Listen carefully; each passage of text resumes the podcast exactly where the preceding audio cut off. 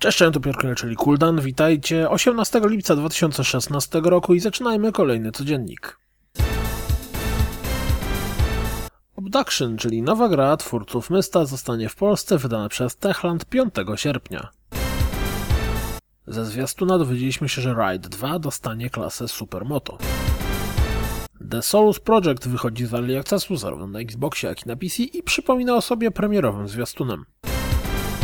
Zwiastunem zapowiedziano Event Zero. Czy w grze usłyszymy I'm sorry, Dave. I'm afraid I can't do that. We wrześniu do Star Wars Battlefronta pojawi się rozszerzenie związane z Gwiazdą Śmierci. Zerknijcie na krótką zajawkę.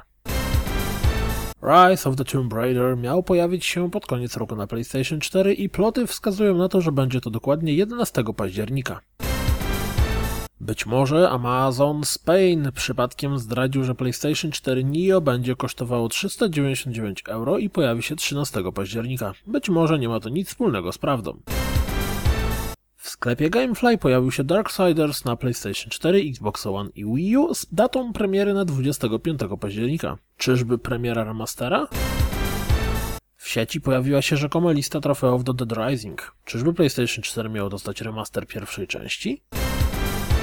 Po dwóch latach opóźnienia Shanty Half Genie Hero pojawi się 27 września.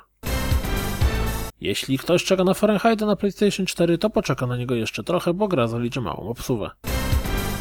Batman od Telltale rusza w sierpniu, a we wrześniu dostępna być edycja pudełkowa, która zawierać będzie pierwszy epizod na płycie i kod na ściągnięcie pozostałych. Pokémon Go oficjalnie wystartowało również w Polsce. Gra związana z Berserkiem pojawi się na zachodzie jesienią tego roku. Japońska premiera gry zapowiedziana jest na 21 września. Warto poczytać, co mają do powiedzenia twórcy jako Leili, bo po ostatnim zwiastunie są to kolejne informacje, które zapowiadają, że gra dla fanów platformówek może być pychotką. Jeśli macie ochotę, to zerknijcie okiem na intro do Monster Hunter Generations, nawet jeśli nie zamierzacie grać, bo to całkiem ładne jest. Kto gra w Elite Dangerous, ten powinien zapoznać się z Q&A na temat przyszłości gry. Wygląda na to, że spokojnie można już mówić o szaleństwie czy też gorączce Pokémon Go.